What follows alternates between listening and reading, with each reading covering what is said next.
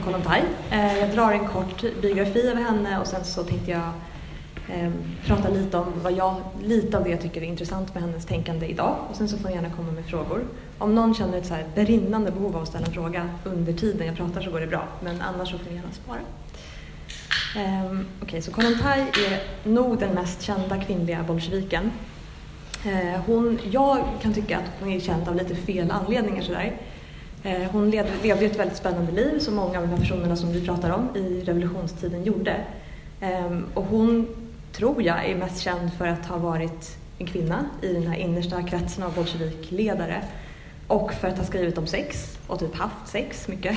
Så det är liksom hon är nog ihågkommen som en far, lite, lite farlig kvinna sådär i maktens närhet, om jag ska hårdra det. Ehm, jag kollade i den här uh, boken som heter Oktober av China Millville som kom ut precis, en, någon sorts dokumentärroman om revolutionen. Jag kollade bara vad han har skrivit om henne. Eh, och hon är med såklart för att hon var liksom aktiv i den här innersta kretsen eh, under den perioden som revolutionen bröt ut. Och då står det att hon är briljant och lite daring. Det känns som att det är, så man ser henne. Ehm, jag tycker att hon är en intressant teoretiker eh, och inte bara intressant för att hon var häftig och spännande. Eh, hon har skrivit mycket om kärlek och familjestrukturer. Eh, jag tog med mig en liten selektion av hennes böcker här. Det känns som jag är en person som har skrivit en egen roman om Palmemordet och så ställer upp mina olika egensläppta texter här. Men det där är tre av hennes ehm, texter. Det finns ganska mycket av henne på svenska och det finns mycket på marxist.org Eh, översatt, så man kan lätt ladda ner. Ehm, yes. Så hon föddes 1872.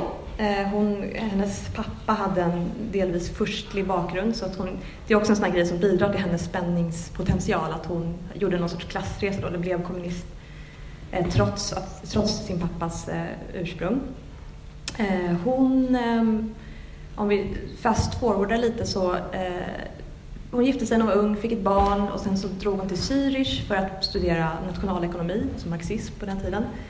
Eh, och lämnade sin, sitt man och, eh, sin man och sitt barn då. Eh, och där i Zürich så kom hon i kontakt med marxistiska kretsar.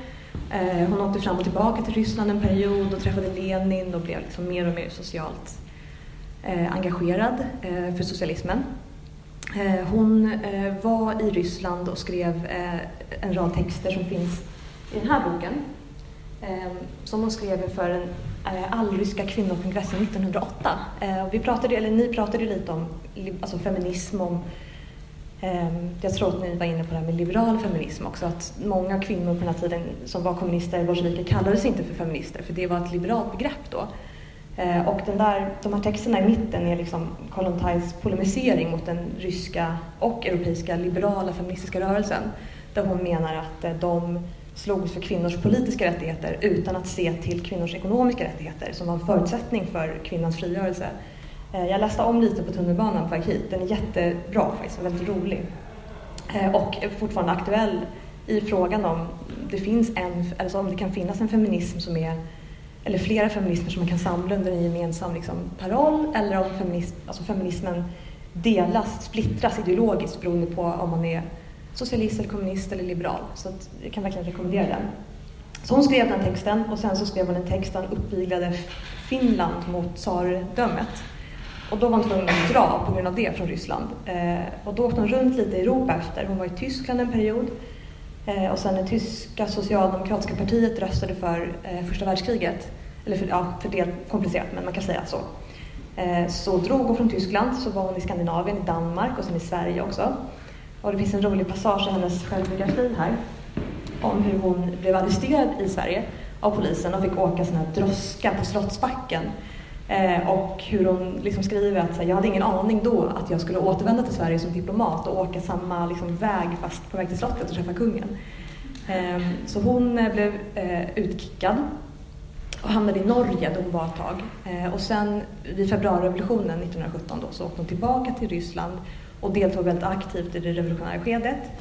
Eh, och sen efter revolutionen så blev hon eh, man, ja, minister kan man säga, folkkommissarie hette det då.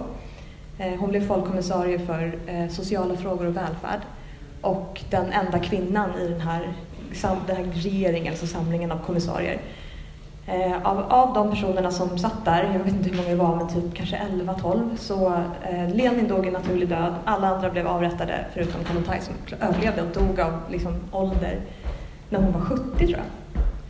Eh, och det är någonting som har liksom kastat sin skugga lite över henne sådär att hon, eh, jag kommer berätta lite mer om det sen, men att hon ändå hon klarade sig. Eh, hur kan, kan, det komma sig liksom, att just hon överlevde och fick, ja, fick leva vidare när de andra inte fick det? Ehm, och eh, som den här folkkommissarien då så hade hon liksom en möjlighet att infria sina Alltså de här teoretiska liksom, diskussionerna och liksom, polemiseringen som hon hade fört. Plötsligt så är hon liksom minister då i det här nya landet och kan absolut inte göra vad som helst men hon kan ändå göra ganska mycket. Eh, och det gjorde hon. Hon eh, tillsammans med en massa andra kvinnliga kommunister som är bortglömda, många av dem, Eh, vilket Kollontaj också ofta poängterar, att hon, det är inte som att hon ensam har gjort det här utan hon var alltid omgiven av andra kamrater som eh, hon har en jättefin beskrivning av det, att de, liksom, de, försvinn, de är försvunna ur historien men hon, hon försvann inte på det sättet. Eh, de eh, byggde ut mödravården, eh, barnavården i Sovjet, eh, de, eller de, men Kollontaj var liksom drivande i att legalisera abort som första landet i världen. Eh, man eh, erkände barn födda utanför äktenskapet samma rättigheter som barn inom äktenskapet. Man kunde begära omedelbar skilsmässa. Eh, så som ni hör så mycket av det här är liksom på familjepolitikens område och det var ju mycket av det här var jättekontroversiellt såklart. Eh, ni pratade förut om att eh, inte alla uppskattade det. Och det här väckte säkert massa motstånd i olika befolkningsskikt eh, Eh, även bland liksom, Kollontajs kamrater. Ehm, och liksom, till grund för det här, de här sakerna han gjorde så det låg inte bara liksom en allmänt, ett allmänt så värnande om kvinnor utan han hade verkligen en teoretisk grund till det som han utvecklade i sina texter. Det här mycket, för henne, liksom, texterna innan revolutionen, eh, de handlar om kvinnan i det borgerliga samhället.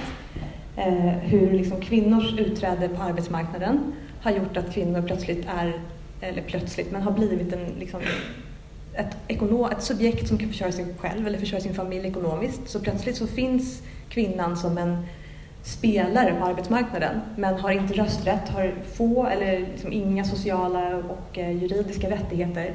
Eh, så, och den motsättningen diskuterar hon mycket i sina, de här tidigare texterna. Eh, och hon pratar om att eh, kvinnor eh, alltså under det här trycket eh, från utträde på arbetsmarknaden så blir det fler liksom fria relationer bland arbetarklassen, alltså utomäktenskapliga kärleksrelationer då. Eh, men eftersom det fortfarande råder kapitalism så leder de här relationerna kanske till ett oönskat barn. Man har inte rätt till abort.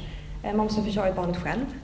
Och, och hon liksom kopplar ihop kvinnors olika försörjningssätt. Alltså antingen som arbetande kvinnor, Eh, prostituerade kvinnor, kvinnor i borgerligt äktenskap som blir försörjda av sina män. Hon tittar liksom på de här olika möjligheterna för kvinnor och, och analyserar dem eh, som ett. Vilket jag tycker är superintressant och det är intressant även idag faktiskt.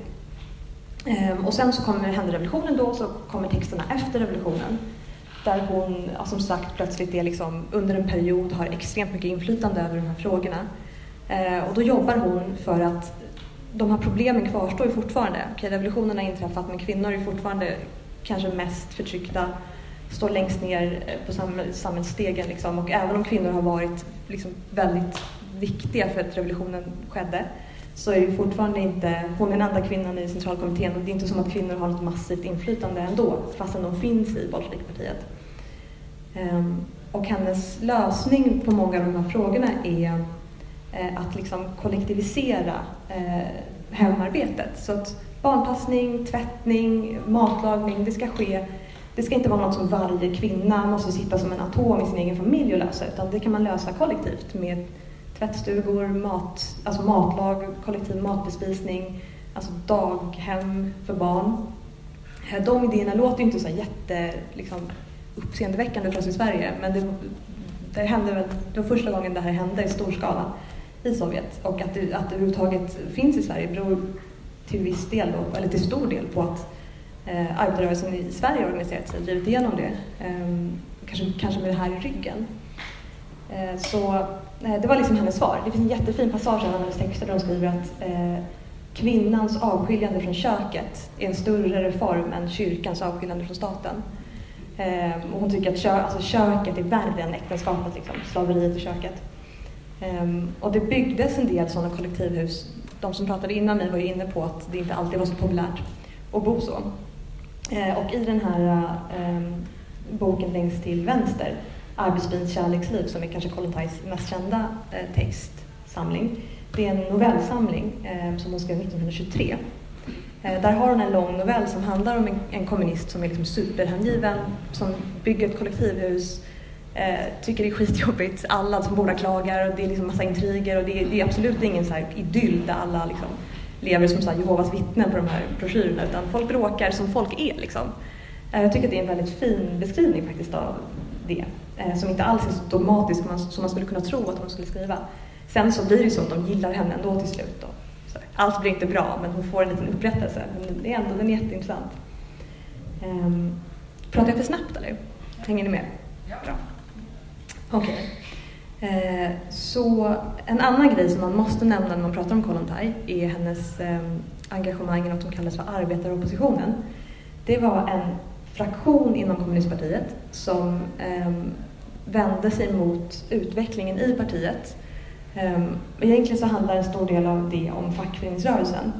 För att ehm, jättekortfattat nu så, okay, så revolutionen bryter ut. Det blir omedelbart krig eh, i Sovjet eftersom det finns många som inte vill leva på det sättet som revolutionärerna och även många utländska stater, europeiska stater anfaller Ryssland så det blir ett massivt inbördeskrig. Eh, produktionen faller liksom drastiskt. Eh, all industri nationaliseras men det funkar inte så bra under de här liksom kaotiska omständigheterna. Så att jag läste häromdagen att i vissa industrisektorer så sjönk produktiviteten från, alltså från 100 då innan revolutionen till 2 procent. Så det var verkligen massivt. Eh, och vissa arbetare lämnar storstäderna för att det finns ingen mat. Eh, åker till landsbygden där man åtminstone kan liksom få tag på mat. Så det var en väldigt rörig situation. Eh, och då finns det olika förslag från liksom partitoppen om hur man ska få arbetarna att komma tillbaka till fabriken och hur man ska bedriva arbetet på fabriken. Eh, och då tyckte till exempel Trotsky att man skulle liksom rekrytera arbetare till fabriken som man rekryterade soldater till Röda armén som han ju ledde. Eh, alltså med, med liksom tvångsåtgärder. Eh, och det är ju väldigt hårdfört. Ehm, och, man, och han var ansvarig för något som kallades för the shake-up, typ omskakningen i, inom järnvägsarbetarfacket där ehm, de valda fackföreningsledarna avsattes och så tillsatte man liksom, tillsatte han typ Trotsky lojala ledare. Vilket väckte en hel del oro inom fackföreningarna såklart. Så arbetaroppositionen var som ett svar på den här situationen där, eh, som bestod framförallt av fackföreningsledare men även olika partitoppar eh, som Kollontaj och en kille som heter Slapnikov bland, annat, bland andra då.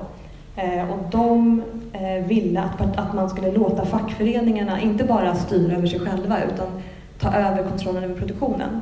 Och argumentet för det var liksom att det är det här som revolutionen har utlovat, alltså arbetarinflytande, arbetardeltagande. Arbetarna ska inte liksom beordras från en partitopp utan de ska själva utveckla och driva produktionen. Eh, det är det som är kommunism. Och det var inte som att partitoppen då sa liksom, ni är helt galna, ni kommer aldrig ge arbetarna inflytande, utan man sa att ja, det här är något, det är något att sträva efter men vi får göra det sen. Alltså när situationen har stabiliserats. Och sen så anklagades också de här, alltså arbetaroppositionen för att vara syndikalistiska eftersom man betonade fackföreningens roll.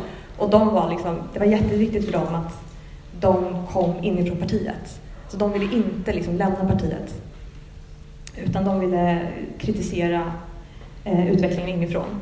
Så förutom det här med fackföreningsfrågan så var det viktigt för arbetaroppositionen med alltså demokratin inom kommunistpartiet. De ville att man skulle ha liksom, att det skulle vara öppet för kritik, att man skulle kunna ha, välja sina eh, representanter, att de inte skulle tillsättas. Eh, att det skulle finnas liksom, möjlighet att diskutera mer och beslut. Eh, och de eh, betonade också vikten av eh, eh, ja, säga, att initiativen skulle liksom återföras till eh, de basorganiserade. Eh, det finns någon, någon, passage om att partiet ska inte leda massorna utan partiet ska gå längst bak och se till att liksom, och följa. Kollontaj var med i arbetaroppositionen. Hon skrev en text som heter Arbetaroppositionen som också är jättebra faktiskt. Även om man kan kritisera liksom deras förslag, var de möjliga att genomföra under den här perioden av kaos? Oklart.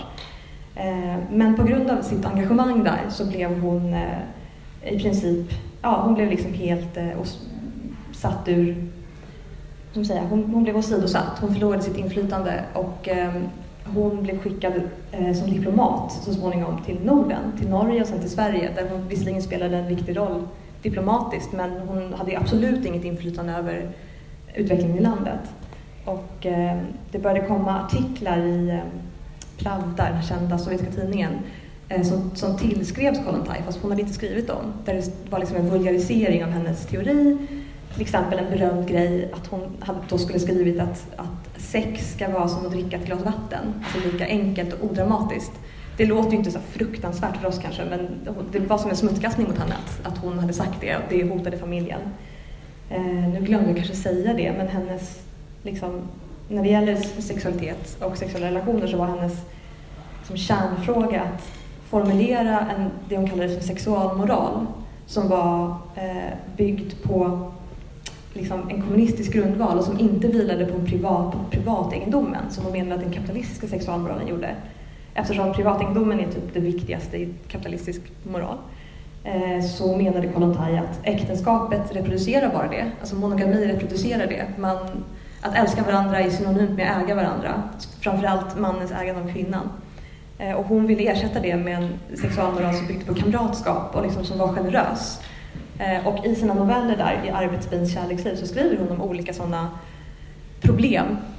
Eh, där kanske ja, men en part i en relation har en relation med en annan. Eh, hur löser man det och vad betyder det? Är det okej? Okay? Ungefär så. Ehm, jätteintressant. Jag fick faktiskt den boken i present av en kompis när jag hade gjort slut med min kille. Eh, så jag har inte stött på Kollontaj av att typ vara marxist och sådär. Det är inte som att hon pratas om liksom, i allmänhet utan det var liksom på den vägen och sen så började jag läsa henne. Ehm, så hon blev smutskastad och det var Stalin-trogen media som låg bakom det. Ehm, så hon förlorade liksom även eh, hon förlorade allt sitt inflytande och blev utmålad som en så liderlig kvinna typ. En liderlig högeravvikare som eh, ville ta barn ifrån föräldrar och ni vet, ta med dela på kvinnor och sådär. Eh, och jag antar att mycket av den liksom, propagandan mot kommunister som funnits i Sverige om att man delar på kvinnorna och sådär kommer från henne. Ehm, så. Så, ehm, sen lästes Kollontaj igen eh, på många håll även i Sverige på 70-talet och många av de här texterna är utgivna då på svenska. Och jag, jag, jag, har förstått det som att hon var ganska viktig för den vågens feminister och sen är det som att hon har fallit i glömska igen och kanske är på väg tillbaka nu. Eh, och om jag bara säger något snabbt avslutande om vad jag tycker man kan använda henne till idag. Så eh, idag är vi i en situation där, även i Sverige men i Europa i stort, där välfärden liksom rullas tillbaka Eh, jag skrev en artikel om henne 2014, men jag, jag tror inte att det har blivit bättre eh, sedan dess. Men då kostade det för en så här, med, genomsnittsbrittisk familj 74 000 kronor att ha sitt barn på dagis i ett år. Och det har, folk har inte råd med det, så då blir den parten som tjänar minst blir hemma med barnen. Och det är ju ofta kvinnan. I Sverige så är 70 procent av anhörigvården av gamla sköts av, an, eller, eh, av äldrevården sköts av anhöriga eftersom ni vet äldreboenden har lagt ner och det är nedskärningar och då är det oftast kvinnor som tar hand om sina föräldrar. Eller som med LSS nu som ni säkert har följt där eh, man drar in möjligheter för eh, föräldrar med funktionshindrade barn eller funktionsnedsatta barn att få Eh, stöd i form av personlig assistans, eh, Då blir det oftast mammorna då som är hemma. Och det behöver ju inte bero på att liksom männen är dumma utan att kvinnor tjänar mindre så att det lönar sig för familjen att kvinnorna är hemma. Eller så beror det på att männen är dumma. Eh, och eh, som med föräldraförsäkringen, det är liksom, man har de här tre pappamånaderna i Sverige som ni kanske känner till. Det är inte många pappor som tar ut mer föräldraledighet än så. Och det kan, det kan också vara av rationella skäl att eh, kvinnorna tjänar mindre. Så det är bättre att pappan jobbar och mamman är hemma längre om man har en heterosexuell familj. Ehm, och även i de fallen där kvinnan är höginkomsttagare så är hon ändå hemma längre. Så det finns en sån ehm, ja, en liksom reaktionär förändring av familje och välfärdspolitik som beror på nedskärningar. Och där ser man att kvinnorna liksom drivs tillbaka in i hemmen, inte som hemmafruar men som liksom om, omsorgsgivare, även i Sverige. Å ena sidan. Å andra sidan är kvinnor jätteviktig arbetskraft idag på ett sätt som de, vi inte var kanske för hundra år sedan. Alltså ännu viktigare nu. Och kvinnor dominerar ju många serviceyrken och liksom är fundamentala där. Så att de här motsättningarna som Kollontaj diskuterar kring kvinnorollen i ett kapitalistiskt samhälle, så sorgligt nog så är de inte utdaterade. Visst att så här, barn utanför äktenskapet i Sverige är väl odramatiskt idag, men eh, liksom de fundamentala ekonomiska frågorna kvarstår. Och som många vet, aborträtten är hotad i flera europeiska länder igen. Eh, så tyvärr så är det här liksom väldigt aktuellt och eh, jag, jag tycker att man ska läsa Kollontaj mer och liksom använda henne som en språngbräda. Det behöver man inte göra, man kan diskutera det här ändå. Men det var alles tror jag.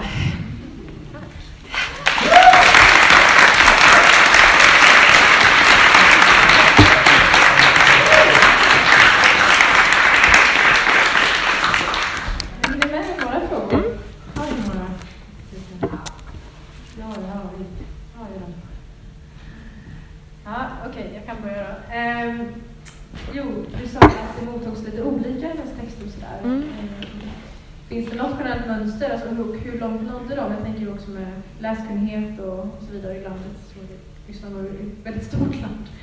Så hur fanns det, och hur tog hennes partikamrater emot det här? Och jag tänker hon var också, reste väldigt mycket så att internationellt var det liksom under hennes levnadstid också om någon som? Ja, alltså hon... Eh, alltså innan revolutionen så var hon ju kanske, antar jag, mest känd i, inom eh, socialdemokratiska kretsar. Och eh, jag tror också att faktiskt hon utmålades som någon sorts valkyria redan då faktiskt i europeisk press.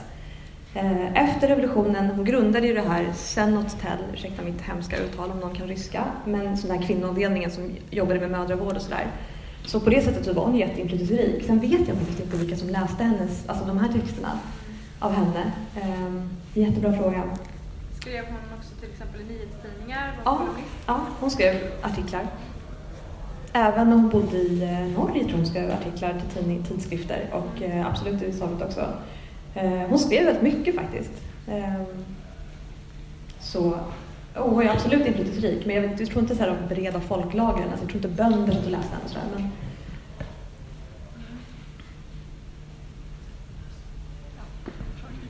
Ja.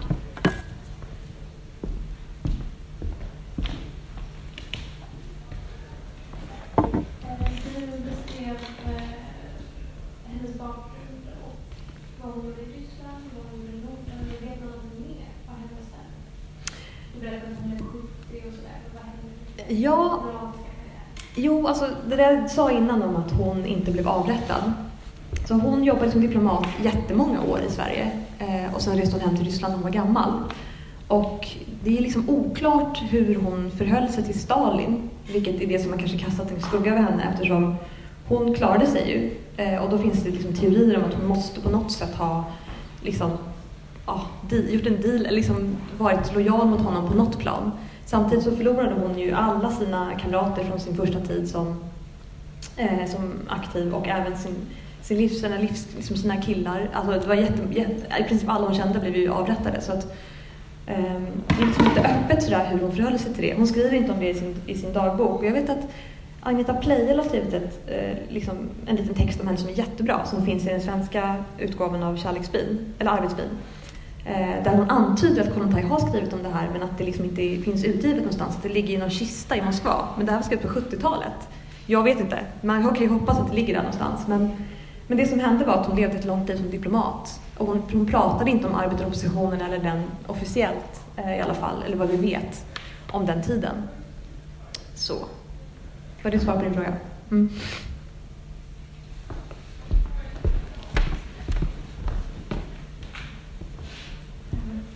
Jag, jag tror det beror på att idéerna om eh, typ barnomsorg och gemensamma kollektiva lösningar för olika sysslor så att säga.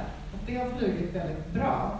Men att idéerna om eh, relationer och kärlek och privat, liksom, eh, vad ska jag säga, sexualitet inte har gjort det. För det har inte samma genomslag. Bra fråga. Alltså jag skulle säga att eh, de idéerna om liksom, kollektiv barnpassning och tvättstugor och sådär, det är ju sånt som eh, möjliggör för kvinnor att yrkesarbeta. Och därför tror jag att det har slagit igenom här. För att det, det är något som gör livet liksom enklare och ändå inte, kanske utmanar inte liksom den ekonomiska strukturen eller familjestrukturen i grunden ändå. Eh, Medan eh, det hon tänker sig som en proletär sexualmoral, där familjen liksom inte finns i förlängningen utan staten tar ansvar. Eh, den idén är liksom, jag tror att den är liksom mer radikal idag än den var på 70-talet. Eh, och man tänker ju ofta på, på Kollontaj som en pionjär som var före sin tid, men jag, jag, tror att hon var exakt i sin tid. Och att det är idag som vi liksom inte kan föreställa oss nästan något sånt där. Ehm, så jag tror att det är för, det är för stort steg nu.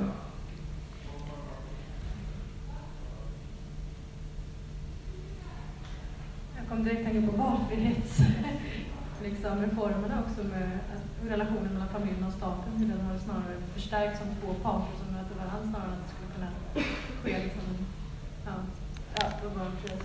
Har du någon mer fråga? Ja. Jag undrar lite om det här att hon överlevde. Så jag tänkte att en av de sakerna som räddade henne var att hon kom på kurs med partiet så tidigt. Alltså hon var redan ett problem för Lenin, så att säga. Och inte, så hennes konflikt kom redan där och inte med Stalin. Jag vet inte om du... Eh, ja. Sen undrar jag det här, just kombinationen av... Eh, jag vill nästan ställa samma fråga som jag ställde till Julia, eh, Julia tidigare. Alltså jag tycker det är intressant att det som slår som en skillnad hos henne idag är det sätt som sexualitet och arbete kombineras, eller proletariat kombineras så starkt med. Och det är också, ja, jag vet inte, alltså det är en klass, det är väldigt mycket sexualitet och klass kombineras så starkt. Men jag vet inte om du vill kommentera det? Ja, alltså jag, jag pratade om Kollontaj i måndags för en så här läsecirkel på kon, som Konstfack i, anordnar för curators typ. Och då började vi prata om Tinder, apropå sexualitet och klass. Eh, om om så här, vad Tinder är för någonting, om det, hur det förhåller sig till det här med att de sexuella revolutionerna ska liksom emanciperas enligt Kollontaj.